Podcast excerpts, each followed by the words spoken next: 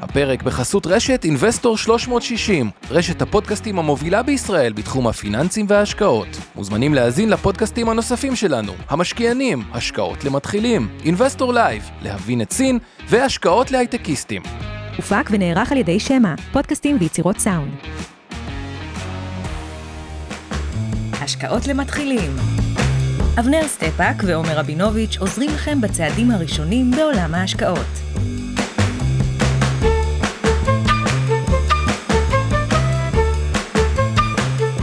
אז אנחנו באווירת מונדיאל, אז בהתחלה אמרנו, אני ואבנר נעשה על המדינות במונדיאל, ואז הולכים למדינות, אז יש את ארגנטינה, שזה מדינה עם 80 שזו ו- מדינה. 88 אחוז אינפלציה, אז קשה להתייחס לזה, למרות שבאופן מפתיע אני צריך לציין, התשואה במטבע המקומי שלהם הייתה שנה 100 אחוז, שאפילו דולרית זה 15.8 אחוז, כאילו זה היה... אה, כאילו הייתם מהתשואות- מרוויחים שם כסף. כן, אבל צריך כן, להגיד בכנות. אבל התשואה חמש שנים האחרונות, התשואה הדולרית הייתה מינוס 32, אין איך להתייחס יותר מדי. כן, הבעיה היא לא המינוס של החמש שנים, אה, לפעמים זה, אתה אומר, זה הזדמנות. בוא נגיד בכנות, דרום זה אמריקה. זה שתיים וחצי מדינות. זה ברזיל, מקסיקו, מנחש רואים אותה כדרום, וצ'ילה. אמרנו נתייחס, כל הארגנטינה אה, הזה, זה... בדיוק, לא באמת אמ- מדינה. אמרנו אחרי זה נתייחס אולי לקרואטיה גם, אבל קרואטיה זו מדינה שלדעתי יש לה שתי חברות בבורסה והיא ארבע מיליון תושבים, אין מה להתייחס יותר מדי. מדינה מהממת. מדינה מה- מהממת, כמובן base- באירופה, אבל base בסדר. על תיירות הרבה, וגם מעניין שם, כי ה infrastructure שם הוא לא רע, כי מבחינת כבישים, דברים, וזה ה... לא יודע מי בנה אותו, אבל אה, infrastructure טוב. הסובייטים הקומוניסטים בשנות ה-40, 50, לא, אני חושב שאחרי זה גם 70. גרמנים שנופשים שם וזה, אני לא, לא. כן. אז זה, אז אמרנו, אוקיי, מרוקו, כאילו, זה ההפתעה של המונדיאל. אגב, אף מדינה ערבית לא עברה לעולם את אה, שמינית הגמר באמת? והגיעה הם לא לשמינית אמורים להיות הגמר. אלופים בכדורגל? סליחה שאני לא מבין בזה כלום. אז אה, הם אף פעם לא הגיעו לשמינית גמר, עברו גם, כאילו, הגיעו לחצי גמר, שזה מאוד מאוד מכובד, אבל הבורסה שם והכלכלה שם קצת, אה, גם זה, בוא נגיד ככה, אין יותר מדי מה להרחיב. ונשארנו עם צרפת, ואז אמרנו, טוב, זה צרפת, וכבר ארגנטינה בזה, ניקח את זה בעיקר דרום אמריקה. ובכל זאת, כמה מילים על צרפת, כי כשאומרים צרפת, הדבר הראשון, אני חושב שרוב האנשים חושבים על זה אה, רע. כאילו, או, או, או לא רע, אבל כאילו, קוטרציה, כאילו, מה יש שם? כאילו, צרפתית, כאילו, גאווה זה לא בדיוק בינלאומי, זה, זה נראה, כאילו, בריטניה זה עוד נשמע אנגלית, וזה מדינה דוברת אנגלית עם הרבה, לא, גרמניה יודעים את הייצור, אבל היא כן קצת מפתיעה לטובה. אגב, עובדות שלא ידעתם, נגיד, האיש הכי עשיר בעולם היום, עבר את אה, אילון מאסק, זה הבעלים של חברת LVMH, אתה מכיר אותו? לואי ויטון, ברנר. אה, זה לא רק לואי ויטון. זה גם לואי ויטון וגם לזורי ויטון אה, מועט NSC. את ה... זה ה-LVMH, כן. כן, יש שם כמה אה, אה, אה, חברות, חברת סנופי, איירבאס, החברת תעופה. עכשיו, הצרפתים גם קיבלו החלטה אחת מאוד מאוד נכונה, אני לא יודע מה האחוז הלגמרי מדויק, אבל הם לא כמו הגרמנים סגרו את כל נושא הגרעין, אלא אה, אה, נשארו איתו. נהנים ממכפילים יחסית אה, נמוכים, תשואת דיבידנד די גבוהה, תשואה על המדד הצרפתי של הדיבידנד היא 5.61, שזה מפתיע. כן, אה, זו תשואה גבוהה. טובה.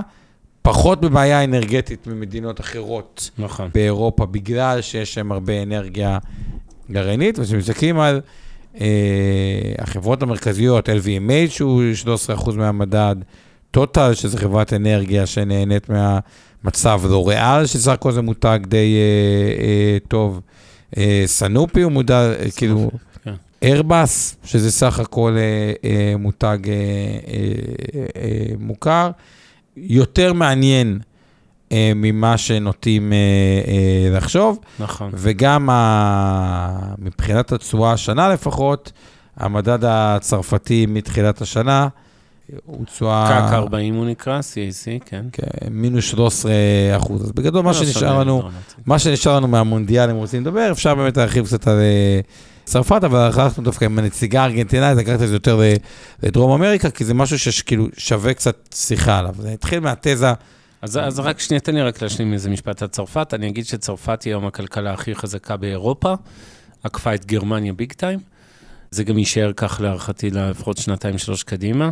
מעבר ל- כן, לדברים הספציפיים של אה, משבר האנרגיה, שצרפת ספציפית עם אנרגיה גרעינית מצבה, בוא נגיד, אה, יותר טוב באופן יחסי, לא רק בגלל זה, יש עוד סיבות. החולשה של התעשייה הגרמנית, זה, זה לאו דווקא שהיא גם רק כל כך חזקה כמו שאירופה כולה שוקעת, אז צרפת מתבלטת לטובה, זה לא שאבסולוטית המצב מזהיר, אבל uh, הם בהחלט במצב uh, הכי טוב ביבשת היום, כן, זה גם uh, אזור מעניין להשקעה, במיוחד שהיא חטפה קצת ב- בשווקים שלה, בקק 40, לא פחות, או דום, האמת שיותר אפילו מחלק גדול מהבורסות באירופה. אני חושב שגם נהנית מפרמיית מותג שלילית כזאת, כי כשאתה באירופה וזה, זה קצת... אה, כן, יש את זה, שאתה חושב על ההפגנות והמחאות והוועדי עובדים, ושבוע עבודה מקוצר, וכאילו תרבות תיאורטית. אה, זה קצת יותר סטיגמה במציאות של לא עובדים, לא אוהבים לעבוד וכולי. אה, בוא, בסוף זו כלכלה חזקה, הם יודעים, אה, עושים אותה טובה. נכון. וגם כאילו דברים מעניינים, נגיד ה-dividend growth עשר שנים אחרונות שם, היה 11% לשנה, שזה יפה, זה כאילו... חד משמעית, יופי. הגידול של 11% לשנה, בחמש שנים האחרונות זה 27%. בכלל הדיבידנד הוא, הוא יחסית חריג, למרות שלדעתי הוא חריג בגלל אירוע גם טיפה חד פעמי, כי הוא קפץ בצורה דרמטית, אבל זה הנושא שלנו היום. הנושא שלנו היום הוא גם, הוא, הוא, הוא בין השאר דרום אמריקה, ששם בואו נדבר רגע ממש למעלה על מה בכלל מעניין ב... אני מתחיל רגע מ-30 או 40 אלף רגל, ואז נתחיל כאילו לצלול. מה שקרה בעולם הוא, הוא תהליך שכל הייצור, בעצם אנחנו חוזרים ל-2007, נחזור רגע ממש אחורה, היה תקופה שבהם השווקים המתעוררים, כאילו, נתנו נוקאוט טוטאלי לשוק האמריקאי. כלומר, היה התרוממות אה, רוח סביב כל ה emerging market, סוג של טרנד מאוד מאוד חזק. 2008 עם הנפילות זה, זה, זה, זה נפל ולא כל כך חזר. כי מה בעצם קרה בעולם? באיזשהו מקום סין, היא קצת השתלטה במובנים מסוימים על ה... גם על הייצור העולמי וגם על השקעות אה, זרות. היא נהפכה להיות hub של אה, ייצור, אבל ממש dominated. ומה שקורה, אפשר להגיד את זה בשנים האחרונות, אה, לא רוצה להצביע בדיוק על איזה שנה זה מתחיל, זה מתחיל תהליך שבו הייצור הופך להיות יותר מפוזר. כלומר, לא רוצים לעשות all in רק על סין, ואז בואו נחשוב מי נהנה מזה. אז קודם כל, כל כלכלה חוזר אליה קצת הביתה, לא חסר כתבות גם בארצות הברית, שכאילו חוזרים אה, מפעלים לייצור. אבל העיינות הגדולות מזה, זה נקרא להם הסובבות סין, אפשר לקרוא לזה וייטנאם, מלזיה, מקומות, אה, אינדונזיה באיזשהו מקום, טוב. למרות שלדעתי יצא באינדונזיה חוק עכשיו, מישהו אמר לי, שאם היית עם, אה, לא עם בן זוגך או בת זוגתך, כלומר, ניאוף בעברית אה, זכה, מה העונש הזה? שנה מאסר. באמת. כן, עכשיו, אז אני לא- לא יודע איך, שווה. איך, אבל זה גם תאריך פוזיציה שהוא לא כזה טוב, ספציפית לגבי... אה, למה אה, אתה מתגרד, עומר? מה? אני חייב לשאול, לא יודע. אוי, אבנר, תמיד עם ה... איי, איי, הייתי צריך להביא את זה איכשהו. איי, ההתקלות. נו, לפחות תתגרד, אני לא מגרד באף כמוך. אני לא מגרד, יש הזה, יש כן. שידור, ה- האצבעות שלי לא עלו מהלפטופ. אז זה ככה אה, אה, סתם נתון, אבל זה מרוויחים מישהו אחד שמרוויח, חלק כן. אחד שמרוויח, והתהליך השני זה מדינה לדוגמה כמו מקסיקו, כן. שבאמת נהפכת לאב ייצור מאוד מאוד מאוד נכון. מאוד אה, אה, חזק, וככה מקבלים אה, איזשהו אה, אה, פיזור גבוה. אגב, מקסיקו, גם יש שם שכר נמוך, גם דמוגרפיה של כאילו כוח עבודה עם ניסיון, מקבלים תשלומים גם מארצות כן. הברית. אבל חייבים להכניס אז- עוד משתנה, אתה יודע, עזוב רגע את ה... זה לא סטיגמות, זה מציאות של פשע, סמים, כל הדברים האלה שמאפיינים הרבה ממדינות דרום אמריקה, כולל מקסיקו וברזיל, שעליהם אנחנו שמים היום פוקוס. אז יש לך יש פשע גם פוליטיקה לא סיכון, יציבה. ממש- בדיוק, של ממשל, לא רק על חוסר יציבות. תיקח בברזיל, חזר דה סילבה, הסוציאליסט השמאלני שניצח בפער קטן את אה, מה שמו הקודם, אה, שכחתי, הימני שהיה. ו, ו, וזה בן אדם שישב בכלא על שוחד, כן? זה שעכשיו חזר להיות אה, נשיא אה, כי ברזיל. בישראל כאילו... לא, שר בישראל, אם יש לך מישהו עם שוחד, אז הוא מקסימום יכול להיות שר אוצר, הוא לא יהיה, אתה יודע, נשיא. כן, הוא הנשיא, אה, יהיה שר אוצר. נשיא, כן. הוא צריך לאנוס, הוא לא, אתה יודע, זה לא בשביל... אה, יש קריטריונים, אתה יודע, בהתאם יש טבלה כזאת של התפקיד מול הרקע הפלילי. אבל ברצינות, עזבו את הציניות רגע, אה, בסופו של דבר, זה כן, ראינו את הדוגמה של סין, כמה משקיעים חטפו, ואני מודה, אני קצת נפלתי עם סין בעצמי, במובן שכל הזמן הסתכלתי על המשטר ואמרתי, מה אתם רוצים מהם? הם אמינים, הם שקופים, רק מה, הם סוגרים, אם אתם מבינים את הראש שלהם כמפלגה קומוניסטית, אז אתם אמורים להבין שהם לא ייתנו לחברות בתחום החינוך, תחבורה ושירותים ציבוריים להתקיים ולעשות שם אה, אה, חברות ענ- ענק בסין. אבל, אבל במציאות, אתה כן רואה שאתה מפחד מהממשל הזה, ממשל שהוא בעייתי מול האזרחים שלו, וזה מכנה משותף לחלק גדול ממדינות דרום אמריקה, אז הוא גם הרבה פעמים בעי- בעייתי למשקיעים בו, ולא צפוי. זה לא רק חוסר יציבות פוליטית, יש המון המון פופוליזם בדרום אמריקה. נשיאים שנבחרים ומבטיחים שהם ישפכו ערימות של כסף, אה, כן, למגר עוני ופשיעה וכולי. ו- ו- ובקיצור, זה, זה, זה הסיכון. נכון, אבל על הרקע הזה רק נתייחס רגע למכפילים בדרום אמריקה, כי מדברים הרבה מכפילים כן, בארצות בוא נתחיל הברית, ואמרנו זה... זה יורד, זה מכפילים בדרום אמריקה, ואז נעשה השוואה לטבלת המכפילים אה, הרגילה שלנו. אז צ'ילה, 6.28, מקסיקו, רגע, רגע. אתה 9 נקודה... אה, אתה רץ, חכה, סבלנות, שנייה, עשר שניות. צ'ילה כן. 6.28, מקסיקו... שש, מכפיל שש, כן, נקודה מקסיקו- שלוש על אה, עבר. מקסיקו 9.8. אה, אגב, שם האינפלציה היא גבוהה, אבל לא מטורללת, היא 7.8. עכשיו, כשאתה אומר כן, 7.8 ארצות היום. זה כאילו ארצות הברית. כן. אה, עם ריבית 10. עכשיו, אני אומר את זה כי בריבית 10, אם היא יורדת, אז זה גם אה, טריגר אה, ככה אה, לא רע. אגב, התשואה הדולרית השנה הייתה סביב האפס, כלומר, תפקד טוב. קולומביה, אני לא יודע אם כל זה כלכלה או לא, אבל 5.2 המכפיל. ברזיל, 6.5. כן, המכפילים הם בעצם מהנמוכים זה בעולם. כן, ארגנטינה רואים. 11.05, ובחמש שנים האחרונות התשואות גם לא היו טובות. עזבו את קולומביה, מינוס 49, אני שם אותו בצד, צ'ילה מינוס 5 אחוז, מקסיקו 10.5 אחוז, ברזיל מינוס 6.4 אחוז בחמש שנים, מדבר על התשואה הדולרית. המצטברת, לא כן. השנתית. כן. הארגנטינה מינוס 32 אחוז. עכשיו, למה מדבר על התשואה הדולרית? כאילו, מהארגנטינה בחמש שנים האחרונות, התשואה במונחי המטבע המקומי הייתה 533. אז זה כאילו נראה זה טוב. נראה תשואה טובה, אבל אבל, לא- אבל לא דולרית זה מינוס את 32, המטבע כי הזה. הייתה אינפלציה. תבינו, אגב, מה הבעיה עם אינפלציה. בארגנטינה זה מה? פלוס חמש, 16 אחוזים, כן.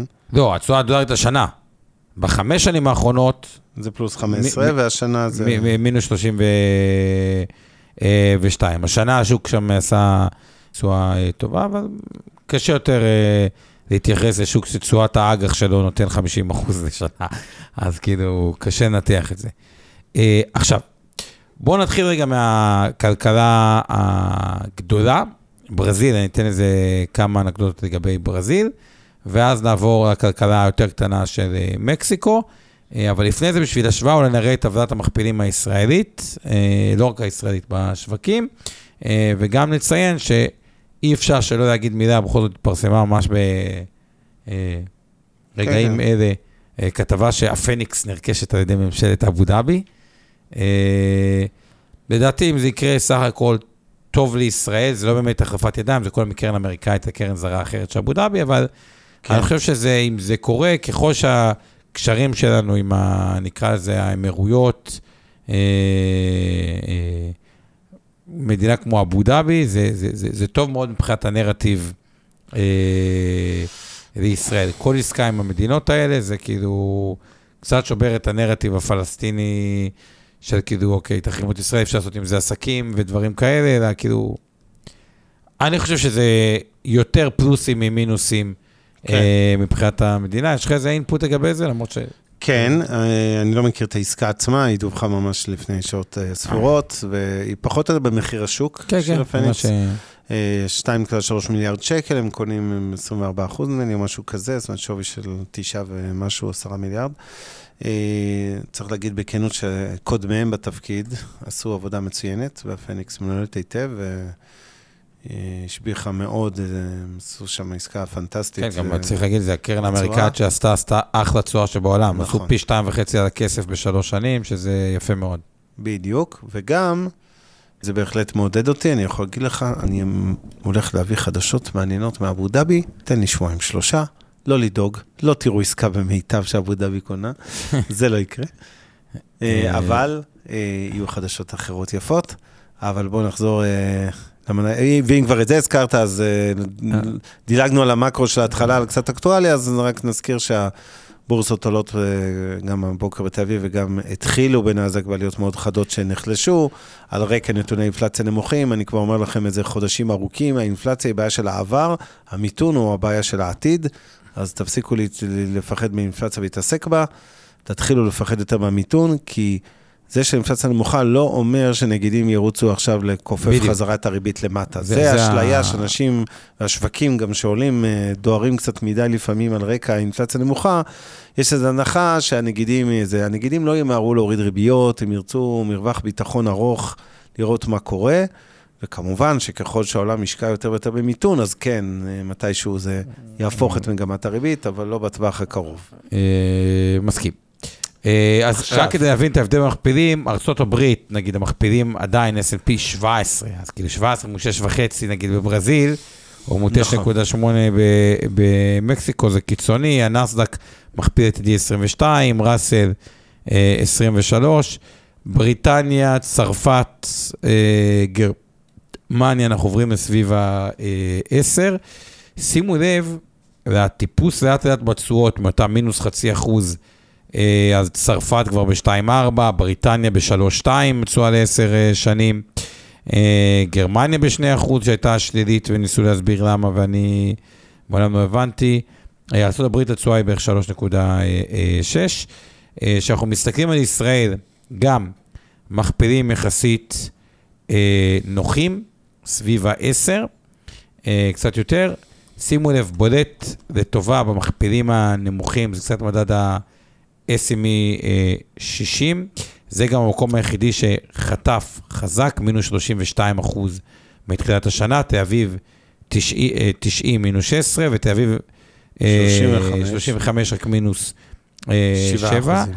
אה, מהבחינה הזאת, וכשאנחנו מסתכלים על המכפילים במזרח הרחוק, הרבה אומרים שהודו מעניינת, אני ניתחתי את זה, כאילו, אבל בסוף, אני אישית במכפיל 22, מתקשה לקנות, נפשית, כאילו... הקושי האמיתי הוא פשוט ההשוואה ה- לאירופה, ה- ההשוואה לדרום אמריקה. המכפילים, בסוף, זה, מכפילים גבוהים. כן, מכפילים אה, גבוהים. נראה לי שהבורסה בהודו תמשיך לעלות, כי יש איזה קונסנזוס בעולם כזה, הודו על הגל, אה, אבל לדעתי זה כאילו...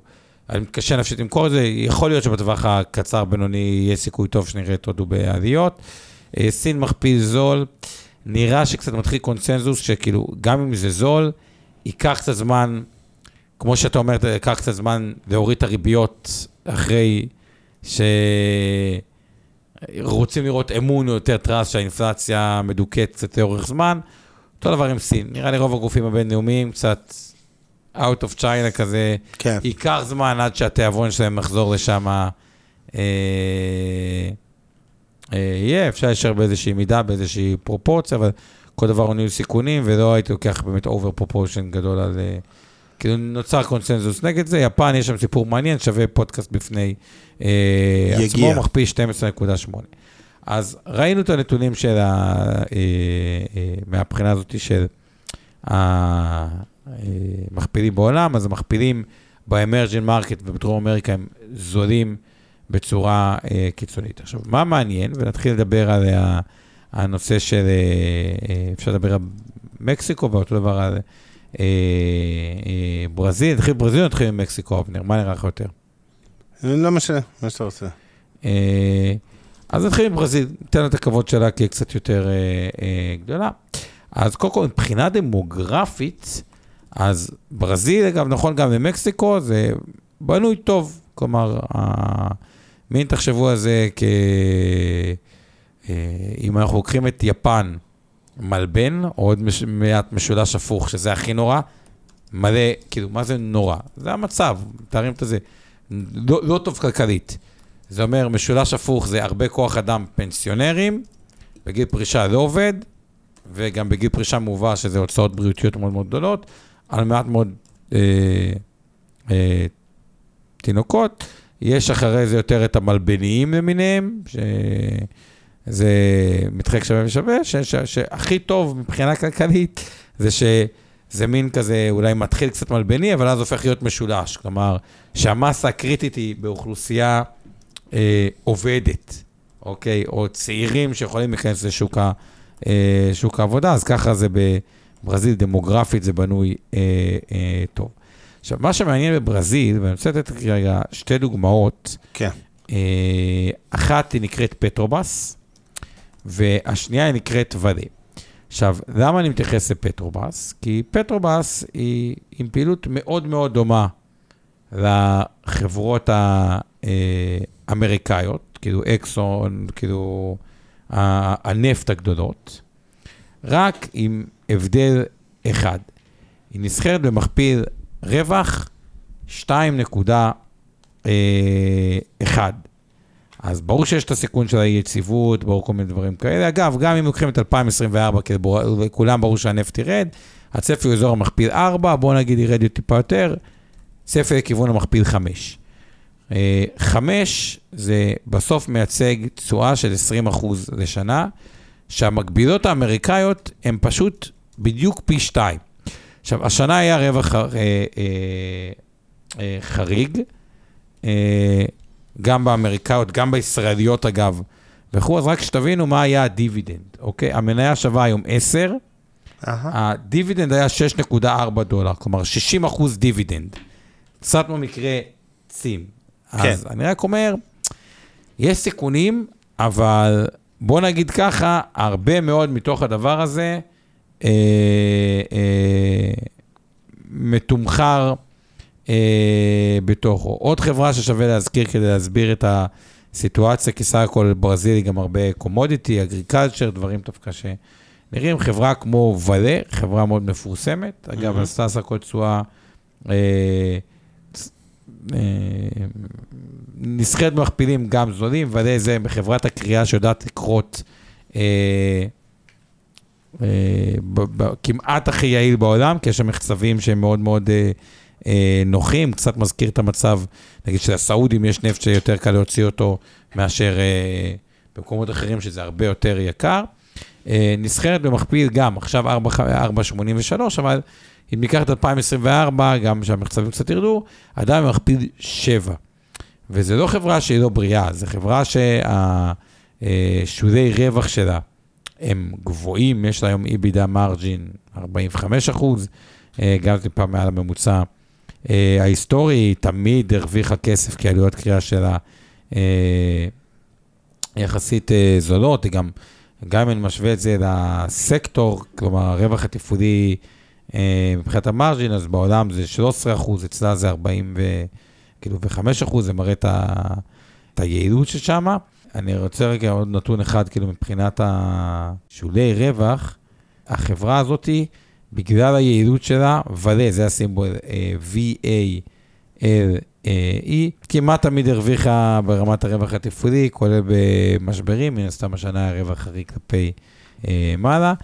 ושוב, חילקה שנה 17 אחוז דיבידנד, ש-17 אחוז דיבידנד, יסכים איתי אבנר, זה לא כזה אה, נמוך, 17 אחוז לא, לשנה. זה מטורף. אז ברזיל, באיזשהו מקום, יש שם ראש ממשלה או נשיא, אפשר לקרוא לזה, בעייתי נקרא לזה, אוקיי? כן, או, לא שבולסונרו קודמו בתפקיד, זה הבחור ששכחתי את שמו קודם, הוא היה יותר טוב. אבל בסדר, המסורת הפוליטית במדינות האלה היא לא מודל לחיקוי, כן. מצד שני, מתומחר שם הרבה אה, מהדאונסייד, ועוד דבר. בחברות מחצבים של פעם, אגב, זה נכון גם בחברות הנפט, אה, להרבה מאוד חברות, הם הגיעו גם ב-2008 מאוד מאוד ממונפות. כלומר, זה החברות שהשקיעו המון בפיתוחים, בפיתוחי שדות נפט ודברים כאלה. הגיעו למשבר עם תוך מינוף גבוה, בכלל העולם שהקורפורט היה ממונף ב-2008. היום החברות האלה, גם בגלל שהיה פחות פיתוח אולי בשדות חדשים, מגיעות לזה הרבה פחות ממונפות. מה הכוונה? אם השווי שוק שלה זה 73 מיליארד דולר, חוב שלה הוא בסך הכל 14 מיליארד, ויש שם 5 מיליארד בקאש. כלומר, לא מגיעים מהאירוע הזה בכלל הרבה חברות שבעבר נטו יותר ממונפות. ומה נגיד שמסתכלים על כל הנתונים האלה, זה... ועשור אבוד, סך הכל אה, המדד בברזיל, הוא לקח עשר שנים, הוא נתן אפס, אבל תבינו מאיזה נקודת פתיחה הוא הגיע. המדד בברזיל, אחרי הבועת הדוט קום, עמד על 1.62, וקצת כמו הטרפת טכנולוגיה, נכון, היה לנו את כל החברות שנסחרו במכפילי אה, מכירות אה, 30, והסבירו לנו למה כל צמיחה היא מוצדקת, ובדיעבד הרבה חברות כאלה נמחקו. אה, משנת 2000, אחרי המשבר, שהמניה, כאילו שהמדד היה על 1.5, כן. בשנת לפני המשבר, שהיה איזה טירוף סביב המדינות האלה, המדד עלה ל-30 דולר, כלומר 2,000 אחוז תשואה בחמש שנים. אז היה אה, המשבר של 2009, ומאז זה קצת לא... דיברתי על ודה, אבל שהיא מייצגת, כלומר, היה את המשבר של שנת 2000, טרפת סביב כל השווקים ה-emerging markets. אז כאילו ברזיל כשוק, אה, למי שרוצה חשיפה ל-commodities, לנפט, לנחושת, לכל הדברים מה- מהסגנון הזה, קחו את פטרובס כדוגמה, אה, ולה כדוגמה, הרבה מתומחר, וגם יכול להיות שבסך הכל מה שהמדינה תרצה לעשות, כי הם רוצים יותר כסף, כי חסר תקציבים מחלק העניים, פשוט יכפו עליהם לחלק הרבה דיבידנד. עכשיו, זה לא כזה אסון, זה לא כזה אסון למשקיע לקבל אה, דיבידנד מאוד אה, גבוה, זה ככה האינפוט לגבי ברזיל. אה, אבנר, אתה רוצה להוסיף משהו? כמו שאמרתי, בוא נגיד ככה, זה... א', ברמת המקרו, דרום אמריקה זה מרכיב אה, פיקנטי וקטן בתיק ההשקעות שלכם, בדיוק כמו הרבה מאוד מדינות בדרום-מזרח אסיה. שתיים וחצי מדינות, כולל ברזיל, מקסיקו, צ'ילה. היתרון הגדול בעיניי של דרום אמריקה, זה הסיבה שאנחנו בכלל מתייחסים אליה הערב, בעיניי זה המכפילים הנמוכים. עכשיו, כותב פה חנוך במקביל, והוא צודק קצת, כאילו, מה אכפת לכם ממכפילים? מה אכפת לכם ממכפילים? הרי כאילו, מכפילי החיים, העולם נכנס למיתון, אז את מי זה מעניין מכפיל הרווח של 6 או 8 או 5, 5 וכל מיני מניות שחילקו דיבידנדים עצומים, זה עבר, לא עתיד. אבל אני אגיד, ו- ושואל אה, חנוך, אה, בהמשך, האם לא כדאי יותר להתייחס למכפיל מכירות בכלל? אה, אני חושב, אתם שומעים את המנטרה שלי כבר הרבה חודשים, שלא מודאג מאינפלציה ומודאג ממיתון, ואני ממשיך להיות יותר מודאג מהקונצנזוס, נקרא לזה, לגבי הצד של המיתון, ועוד הרבה פחות מודאג מהצד האינפלציה, גם יותר מאחרים. אבל אין ספק שכשאתה קונה מניות במכפילים כל כך נמוכים, גם כשאתה מניח מיתון, ו- ואני אגיד לך גם עוד דבר, המיתון, מן הסתם פוגע גם בשורת ההכנסות וגם בשורת הרווח. אני לא כל כך יודע להתייחס למכפילי הכנסות, למעט בחברות מפסידות, כמו שעשינו בהייטק שנים, וחטפנו את הזבנג בשנה החולפת. לא יודע להתייחס למכפילי מכירות, אני כן חושב שצריך למכפילי רווח. זה נכון שכשמסתכלים על מכפילים, מכפילי רווח עתידיים של שנת 23, אפרופו כל uh, הריטואל הקבוע שלנו לדון ב... בזה, ב, ב, בנושא טבלת המכפילים המפורסמת, ולראות את, ה, את הפערים האלה אה, בין הבורסות, אני חושב שאכן מכפיל רווח עתידי, אותו צריך לקחת עם קורטוב של מלח גס, כלומר בזהירות רבה, כי הוא מבוסס על תחזיות קצת אופטימיות מדי לגבי הרווחיות של הפירמות בשנה הבאה. אבל כשאתה יוצא ממכפיל 5, 6, 7, 8, שזה באמת מהמכפילים הנמוכים בעולם, מה שכרגע קורה בדרום אמריקה בהשוואה כמעט לכל שוק, כולל אירופה, אז אתה שואל את עצמך, how bad can it go? עכשיו, ברור ש- it can go bad, אחרת זה לא אני נסחר מכפיל 6, אבל זה מרגיש לי שיש שם אוברשוט קצת בירידות, ובמכפילים הנמוכים האלה התמחור לא הגיוני. זה דווקא השנה, וה- הם- הם- ירדו פחות מ... כן, אני מדבר, לא משנה, בצילום כן. מצב של היום. הנקודה היא כזאת, כשמדברים על ברזיל, אגב, גם תסתכלו על המדד, מה, מה יש במדד בברזיל? רגע, בואו ננתח אותו. יש שם את הנושא של ה... ולמה הזכרתי את ה... ספציפית את החברות האלה, ושוב, אזהרת סיכון לגבי אה, מניות וזה לא זה. בברזיל יש כל מיני אה, חברות. יש שם, כשקונים את המדד, קונים את סקטור הפיננסים. אני אישית לא אוהב סקטור פיננסים שהוא לא במדינות אה, יותר אה, מתפתחות, אני חושב שסקטור פיננסי בישראל הוא טוב, סקטור פיננסי הברית הוא טוב. האמת, אני לא בטוח ש Credit Suisse ו-HSBC בכלל שם מודל עסקי. אירופאי ב... בעיה, אני חושב שזה כן. חברות ש... כי אני אגיד לך מה קרה...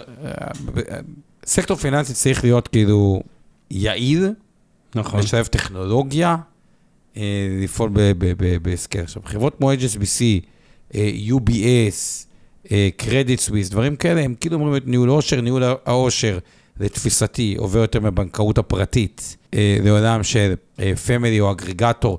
לא רואים יותר את הבנק כמי שנותן לך את כל המעטפת, גם את הבנק הזר, עובר הרבה יותר לעולם ה family, ואז הם הופכים לעולם של commodity. רק בניגוד לאמריקאים שיודעים לעשות דברים יעיל, אז העלויות שלהם, של האינפרסטרקציה, הן מאוד גבוהות, ואני לא בכלל בטוח במודל העסקי של בנקאות אירופאית. שם את זה רגע בצד. אז את הפיננסים שם זה 24% מהמדד, פחות אוהב. Materials ו-Energy זה 40% מהמדד, שזה פשוט נסחר ב discount עמוק לעומת האמריקאיות. נכון. עכשיו, אם אנחנו מסתכלים על ברזיל, קח את Vale, ספציפית חברת Vale, שהיא גם מאוד יעילה בתחום הזה יחסית למדינות בעולם. ואת אה, Petrobras, לדעתי, ביחד עם איזה 20 ומשהו אחוז מהמדד, אולי קצת יותר. אז מי שמחפש, כולה הזכרנו את ברזיל, זה תפיסתי, מי שמחפש חשיפה חכמה לסקטור הזה של הכרייה נחושת, אבן, אה, נפט, דברים כאלה, שני החברות האלה הם פשוט discount משמעותי על השוק האמריקאי, ואני לא מדבר על זה שבברזיל שם גידול מלא מרבצים שעוד לא התחילו כן. אה, לפתח וכו'. אז זה לגבי ברזיל, הראייה איך שאני רואה אותה, אני גם לא יודע אם הייתי קולט את המדד, הייתי הולך ספציפית על... זה מה שאני באמת, רואה. מניות ספציפיות? כי כי אני אגיד לך מה, אני- כשאני קונה בנק בר- ברזילאי, אני אני לא יודע לנתח את זה, אוקיי? בדיוק הפוך, אז דווקא בגלל שאתה לא יודע לנתח הרבה דברים, אז אני אומר, לא עדיף לך לקנות פשוט לא, תעודת צד של מדד? כן, אבל, אבל, אבל אני אומר ככה, כשאני מסתכל על מבנה מדד, אני מסתכל מה, כאילו, מה יש בברזיל שהוא מובהק מבחינתי.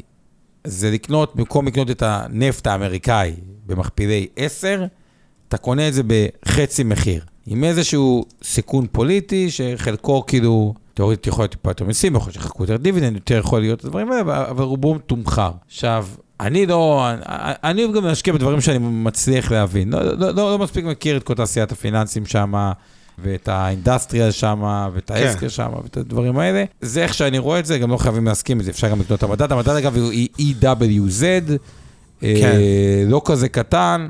רק ב-ETF EWZ יש 5 מיליארד דולר, כלומר, כמדד. זה כן, כאילו- נזיל מספיק בשביל לקנות אותו. אני כן אגיד, ואולי זה המקום להזכיר את אה, הערת האזהרה המשפטית הקבועה שלנו, שכל מה שאנחנו עושים הערב אינו ייעוץ השקעות או תחליף לייעוץ אישי המותאם לצרכיהם נכסי כל אדם. וכשאנחנו מזכירים מניות או מדדים, אז יש לנו בדרך כלל אינטרס, כי אי שם בתיקי לקוחות של אינבסטור 360, או בתיקי השקעות קרנות הנאמנות, קופות הגמל, ההשתלמות והפנסיה של מיטב, אנחנו מחזיקים באותם ניירות ערך. אז אה, קחו את כל זה מראות אזהרה. אבל אני בדרך כלל חושב שבשווקים קטנים, כמו אה, שווקים באסיה, עדיף מאוד אה, בעיניי לא להתחיל להתעסק עם מניות ספציפיות, זאת אומרת, סבבה אם יש לכם ידע, עשית פה ניתוח יפה של ולא, אבל בבסיס אני אומר כאילו, זה במילה שווקים שהם פיקנטריה בתיק ההשקעות, הם יהיו 2, 3, 4, 5 אחוז בתקופות טובות נגיד מהתיק מניות שלכם, אז אה, יותר פשוט להתעסק עם לקנות 2-3 תעודות של ברזיל, מקסיקו וצ'ילה. ו... כן, אבל יש מדינות שבהן אתה כאילו, נגיד, קח את טיוואן, טיוואן, כאילו, אתה קונה אותה שיש, בשביל אה, Taiwan Semiconductor, בסדר. דרום קוריאה זה סמסונג, אז כן, אני לא מסכים הברזיל- איתך על דרום קוריאה, אני מסכים איתך על טיוואן, כן. אז by far סמסונג היא החברה הגדולה שם, טיוואן, Taiwan Semiconductor by far, חברה יותר הגדולה שם, זה גם מה ש... מתניע. עכשיו, ברזיל, זה, זה הקטע, כאילו, הדברים האלה, אבל בסדר, אפשר, אפשר אה, אה, אה, אה, להתווכח. אוקיי, בואו נדבר כמה מילים על מקסיקו. כי מקסיקו, קודם כל, לא כולם מכירים את זה, אבל היא נהנית, היא תמיד תהנה מאנרגיה יחסית זולה, היא מחוברת גם לארה"ב בחלק מהתשתית האנרגטית, ויש בה מפעלים, כאילו, עד כמה היא מדינה יצרנית חזקה, אולי אפשר לקחת מתוך סקטור הרכב, לכם עובדה מעניינת. כן. הכי הרבה, נגיד, רכבים, כן. מיוצרים היום ב China, by far, זה 26 מיליון רכבים מיוצרים בשנה ב- בסין. United States, 9 מיליון. לדעתי, אגב, ב United States צורכים אה, באזור ה-17 מיליון מכוניות בשנה, אז הרוב אה, לא מיוצר אה, שם. יפן אחרי זה, אה, 7 מיליון. אינדיה אחרי זה. אבל סאוס קוריאה אחרי זה, גרמניה אחרי זה עם 3.3 מיליארד. הופ, מקסיקו וגרמניה, מקסיקו 3.2 מיליארד. כן. מקסיקו וגרמניה מייצרים את אותה כמות מכוניות, שזה לא לגמרי. אינטואיטיבי לבן אדם. זה אחרי שפולסווגן הפסיקה לייצר חיפושית האחרונה אה, לפני, לא זוכר כן. כמה שנים במקסיקו. אז אתה אומר כן. גרמניה, אתה אומר וואלה, יצרנית רכב, אבל מקסיקו, מפתיע, רק כדי להבין את זה, זה פי שלוש מקנדה, פי שלוש מצרפת. אה, יש שם המון המון השקעות זרות אה, שהן בעלייה, שזה טוב. ההבדל בין השקעות זרות לשוק ההון, שוק ההון זה סיבוב, השקעות זרות זה השקעות אה, ריאליות. צמיחה תעשייתית מאוד מאוד חזקה. המניופקצ'ר שם עלה, אם מתחיל מ-100 נקודות ב-2013, היום זה כמעט 160, כלומר, הייצור עלה ב-60 אחוז בפחות מעשר שנים, שזה אה, הרבה מאוד. היא תמיד תהיה מחוברת לשוק האנרגיה הצפון-אמריקאי מהבחינה הזאתי. מקסיקו, שם אפשר אולי ללכת על אה, מדד. יש מדד, תכף תכף את השם שלו, אבל יש שם מיליארד דולר. אגב, ירדה פחות, EW, אה, השנה עלתה 3% לעומת הספאי שירד יותר לכיוון ה-20, אני לא יודע אם להגיד את זה דווקא קצת בעד או קצת נגד, אבל נראה שבסך הכל, כשמסתכלים על הקרבה של ארה"ב, הרצון של ארה"ב לקרב אליה את שרשראות הייצור, השכר שם שהוא יחסית אה, נמוך, קצת עשור אבוד, אה, על פניו זה תשתית רע, כדי להבין את המחיר, רק היום מקסיקו חזרה לאותם מחירי טרום משבר 2008, אפילו טיפה מתחת, שארה"ב way, way, way מעל משבר אה, 2008. סך הכל נראה שמשהו אה, לא רע, אם נקודתית, מקסיקו עשתה מהלך מאוד חזק יחסית כלפי מעלה, וגם השנה היא בתשואה בכלל חיובית, פלוס 1.48. זה ככה בשורט טרם חלק מאוחר, אבל סך הכל אה, נראה טוב. עוד אולי איזה נתון או שתיים מעניינים על מקסיקו, ששווה להגיד, לא, זה, זה, זה התזה המרכזית על, אה, אה, על מקסיקו, והמכוניות זה דוגמה, ייצור מכוניות זה דוגמה טובה לעד כמה יצרנית חזקה. תשמע, אני אגיד לך, זה חוזר לאותו דיון אסטרטגי. אני מאוד מאמין במקרו ובלהסתכל מלמעלה, ובשווקים כאלה שהם אולי שווקים ענקיים בקנה מידה גלובלי, אבל בעיני המשקיע הישראלי הם שוק נישה קטנצ'יק בתיק השקעות, אז אני בעיקר בוחן שוק על פי מכפילים, וכשאני רוצה לקנות אני בעיקר קונה מדדים, כי אין לנו את היכולת האמיתית לרוב גדול של המשקיעים להתחיל לנתח חברות ספציפיות במקסיקו. אני כן מוסיף משתנה מטריד תמיד בשווקים קטנים, זה המטבע, כי נתת פה דוגמאות בשידור היום על אה, לא, צורות הייתה... זה, ה-ETFים עם אה, צמודי דולר. לא, לא משנה, בסדר, יודע. בסוף, אבל אתה יודע, אתה יכול לנטרל את סיכון המטבע דרך ETF צמוד דולר, אבל אתה לא נכון. מנטרל את, בעקיפין את אה, סיכון המטח, נקרא לזה, השפעתו על המניות עצמן, אה, יבואנים, יצרנים וכולי, אז בסוף, המבחן המרכזי בעיניי זה פשוט מבחן המכפילים. ובגלל שאלה שווקים ש... עכשיו הם נענשים במכפילים, כן, חנוך, מה שאתה מדבר על כל נושא של protection ופשע ו... וממשלים כאלה, שאתה לא בטוח רוצה לעשות עסקים עם המדינה, נקרא לזה, עם הממשלה של מקסיקו. אה, אז, אה, אז, אז זה חלק מהסיבה שהמכפילים כל כך נמוכים, זה זה. בדיוק כמו שבסין סובלת עכשיו מסנטימנט שלילי, נדבר ברמת אה, איך שהמשקיעים מסתכלים עליה, לא... לא ספציפית אם המניות אה, עולות או יורדות בחודשיים האחרונים, הסנטימנט האנטי הזה שנוצר לסין, נוצר בעיקר בגלל משטר, לא בגלל אה, אה, שהחברות הן בעייתיות וכולי. ולכן, אה, בעיניי, הדבר הזה מגולם כבר במחירים, והמכפילים טיפה נמוכים מדי בשביל להתעלם מהשווקים האלה. אה, נכון, עוד כמה נתונים, סתם אולי אינפלציה, שתבינו, מקסיקו אינפלציה 3.3, אגב, ברזיל שהיא גדולה, אינפלציה, אה, לא אינפלציה, unemployment. כן, ונצואלה, כלכלה מתפרקת, אז טוב, 15%. באמת.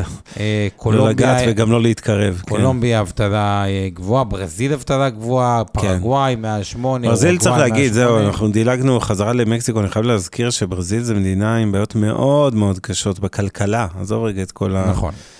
חילופי לא, שלטון בגלל זה אני וכו'. אמרתי לך, יש שם 24% בנקים, אני לא יודע אם אני רוצה להיות חשוף למערכת הבנקאית הברזילאית. לא מספיק מבין בזה. אני מבין, אתה אומר, אה. שבתוך המדדים, לפעמים המדד הוא מעוות, כי הוא הוא מובן, בסקטורים... לא- אבל ספציפית החברה, ודה, פטרובס, הם חברות גלובליות יכול מאוד להיות שאגב יש. מדדים אחרים, שאתה יודע, הם פחות חשופים לבנקים, כמו שבישראל הקטנה יש עשרות אה, תעודות נכון, סל על כל מדד זניח, אני בטוח שגם מה שאני בברזיל ראיתי היית שם מוצא. זה חשיפה חכמה לתחומים האלה, אבל מקסיקו, שאתה מסתכל עליה, 3.3 unemployment. בדיחה. זה בדיחה. זה אומר שגם המשכורות יעלו, זה אומר עלייה. מעמד שהצריכה ביניים, צריכה. תעלה, הצריכה, הד- הדברים האלה, ו- ועדיין, אוקיי, זה צריך לשים ילודה, אה, דברים גבוהה בפרופור- יותר. אה, מצד שני הפשע, רוצחים שם אנשים, אז זה בטח מוריד את האוכלוסייה גם. אה, נכון, גם האינפלציה שם סבירה. הגירעון שם הוא- סביר במקסיקו, וה-debt to GDP, סתם כדי להבין את זה, מדברים על איטליה, יפן וזה הכל. כן. שימו לב מה קורה בדרום אמריקה. אה, מקסיקו, 50. 50 אחוז. כן. זה מהנמוכים בעולם, כאילו, ה- ה- היחס אה, חוב תוצר. ברזיל זה 80 אחוז, סבבה, לא נמוך, אבל גם לא כן. מאוד גבוה. מקסיקו היא גם מדינה עם לא מעט תושבים בפני עצמה. ברזיל עם 213 מיליון באוכלוסייה, אה, מקסיקו 126, זה מסיבי, זה הרבה. כן. 126 זה כאילו... נכון. אה, זה לא מעט, אגב, קולומביה 51, צ'ילה 19 מיליון, ארגנטינה 45 מיליון. אגב, אתה יודע מה טרגי? קרואטיה זה 4 מיליון אנשים. ניצחו את... ארבע. ארבע. ניצחו את ברזיל, 213 מיליון. תחשוב כמה לבבות אה, נחמצו מול כמה לבבות צמחו ב... אבל... היו אה, כל כך הרבה שמחים שברזיל הפסידה, לא רק קרואטים, גם אחרים, אז אני לא בטוח לא, שבנטו. זה 213, עזוב, זה שם... יכול להיות שהיה מיליארד שבעולם... אה, אה, כן. יש חיבה לאנדרדוג, כן. ברזיל ומקסיקו בי פאר הן המסיביות שם, גם מבחינת אוכלוסייה, זה גם אוכלוסיות צריכה עצמית. כאילו, זה, זה, זה שוק שהוא, כאילו, ששוק הוא מספיק גדול, יכול לספק הרבה מהצרכים, אה, כאילו, חלק מהייצור הוא, הוא, הוא גם ייצור פנימי, לא צריך בכלל, אה, זה לא רק כלכלות אה, ייצור. מקסיקו בנתונים הכלכליים נראית יותר טוב, אינפלציה יותר נמוכה, 7-8, GDP צמח over year 4.3. זהו, זה ככה לגבי הסיכום של הדברים האלה. נראה לי זה חצי גמר, אז נעשה שידור קצר היום, או שאתה רוצה להוסיף כמה לא, דברים? אין אחרים? לי דברים, תסתכלו על המכפילים, אפשר לטבל תיק השקעות גם במדינות כאלה כמו מקסיקו, צ'ילה וברזיל, אבל בכל מקרה זה לא אמור להיות מרכיב משמעותי, בלי להיכנס לייעוץ השקעות, שהוא כמובן עניין אישי של כל אחד.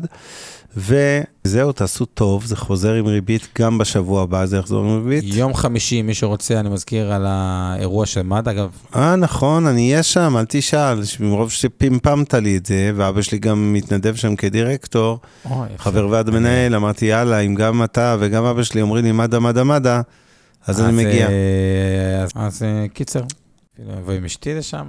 שי, אה, הופעה של ריטה, עולה כסף, אבל זה תרומה, זה למעשה... כמה זה עולה אגב?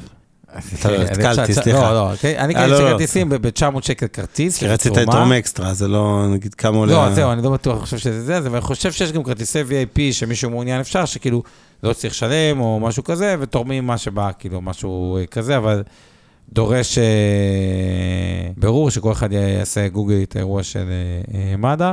טוב, אז, זה ביום חמישי, אז זה בתל אביב, איפה זה? תזכיר לי. זה בתל אביב, אני לא יודע איפה. בתל אביב, לדעתי אוקיי. זה לא, ב- סליחה על כל ההתקלות. לא חשוב, תמצאו את זה בגוגל, זה לא בעיה, אז מי שרוצה לפגוש אותנו, שנינו מסתבר נהיה באירוע מדע ביום חמישי הקרוב, זה שמונה, נדמה לי. בכל אופן, בתל אביב, זה אני יודע. זהו, אז תעשו טוב, זה יחזור לכם עם ריבית, מבטיח, ואנחנו ניפגש בשבוע הבא. שיהיה ערב טוב, וכדורגל מהנה למי כדורגל מהנה, ה- שמתעניין בספורט המוזר הזה. כדורגל ולא האופנה כמו אבנר. לילה טוב לכולם, ביי בינתיים. מעוניינים ללמוד יותר על עולם ההשקעות? האזינו לפודקאסטים נוספים שלנו. המשקיענים, אבנר סטפאק ועומר רבינוביץ' בתוכנית אקטואלית עם כל מה שחם בעולם ההשקעות. Investor 360 Live, אורן ברסקי ועומר רבינוביץ' מארחים את בכירי שוק ההון ומבינים את הטרנדים החשובים לשנים הקרובות. להבין סין עם יובל ויינרב, עם כל מה שרציתם לדעת על הענקית מהמזרח. השקעות להייטקיסטים עם צח איציק, שיבנה איתכם תוכנית כלכלית להגשמת החלומות שלכם, והפודקאסט ההשקעות למתחילים, לכל מי שעושה את צעדיו הראשונים בעולם ההשקעות.